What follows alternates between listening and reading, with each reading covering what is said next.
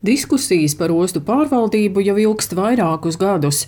Pret grozījumiem ostu likumā pat tika vākti paraksti, bet 5% savākto parakstu bija par maz, lai ierosinātu referendumu. Bijušais satiksmes ministrs Tālis Linkaitis uzsver, ostu pārvaldēs jādarbojas savas jomas profesionāļiem, nevis politiskām personām. 30 gadu laikā atsevišķiem vietējiem pašvaldību politiķiem ir bijusi liela ietekme, arī lielas biznesa intereses ostās. Un, lai nodalītu šīs intereses no ostu pārvaldības, ir jānoņem politiskā ietekme un ostu saimniecība, tāpat kā jebkura cita liela infrastruktūras pārvaldība, jānodod profesionāļu rokās. Šobrīd ostu likums ir pieņemts, reforma ir uzsākta. Es ļoti ceru, ka šā gada laikā varētu vismaz Rīgā un Ventspīlī izveidot profesionālu ostu vadību. Pagājušajā nedēļā Saima pieņēma grozījumus ostu likumā, kuru galvenais mērķis ir līdz gada beigām pagarināt Rīgas un Ventspils brīvostu pārvalžu likvidāciju un izveidot jaunas kapitāla sabiedrības. Tautsaimniecības agrārās vides un reģionālās politikas komisijas pārstāvis Jānis Grasbergs stāsta, ka turpmāko trīs mēnešu laikā notiks diskusijas par 32 iesniegtiem priekšlikumiem ostu likumā, arī par to, cik daudz valsts un pašvaldību pārstāvji būs ostu valdēs. Reformas gaitā iestrādāts bija šie 60-40 attiecība, ja, tad tiksim, no pašvaldībām ir iebildumi, ka viņas tomēr ir 50-50 par šo profesionālitāti. Noteikti, ka tas būtu jāpapildina. Varbūt ir jāskatās kādi ārvalstu speciālisti, kas jau ir jau darbojušies kādās attīstītās ostās. Katrā ziņā šis jautājums ir atvērts.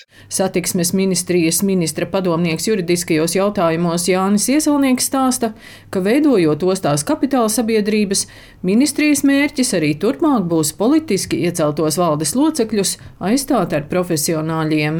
Lietuva pagājušā gada beigās Klaipēdas ostā pārgāja uz kapitāla sabiedrības modeli. Tur gan valde ieceļ tikai e, valsts un e, pārvalda valsts, bet mūsuprāt šis modelis, ka ir 40% pašvaldībai un 60% valstī kapitāla daļas, tas būtu tas optimālais, lai valstī būtu izšķirošais vārds, teiksim, būtiskos lēmumos. Diskusijas saimnes komisijā, protams, turpināsies, bet nu, šobrīd vismaz valdība valdības šī pozīcija ir pabeigt beidzot šo te ostu reformu, pārējot uz, uz kapitāla sabiedrības modeli. Baltijas korporatīvās pārvaldības institūta vadītājs Latvijā Andris Grafs vērtē, ka pārveidojot ostas par kapitāla sabiedrībām būs vairāk ieguvumi.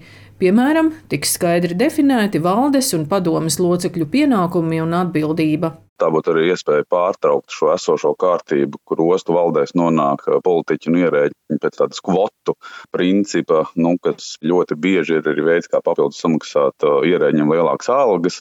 Un tas ļaut arī piesaistīt nu, tādā uzraudzības līmenī cilvēkus no, no, no privātā sektora, kas ir tādā caurskatāmā procesā ievēlēti, kuriem ir zināšanas gan par finansēm, gan par šo nozari. Un, manuprāt, šīs reformas, nu, pamat uzstādījums, kas ir pareizs ir mazināt vai novērst tos riskus, kur tāda īstermiņa politiskie lēmumi ir svarīgāki par ostas nu, tādām ilgtermiņa attīstības vajadzībām. Pārskatīt ostu reformu aicināja apvienotais saraksts, savukārt daži opozīcijas deputāti pēc ostu reformas pagarināšanas jau runā par vecā pārvaldības modeļa atgriešanu. Acīm redzot, politiķu interese par darbu ostu padomēs un valdēs nav zudusi. Daina Zalamane, Latvijas radio.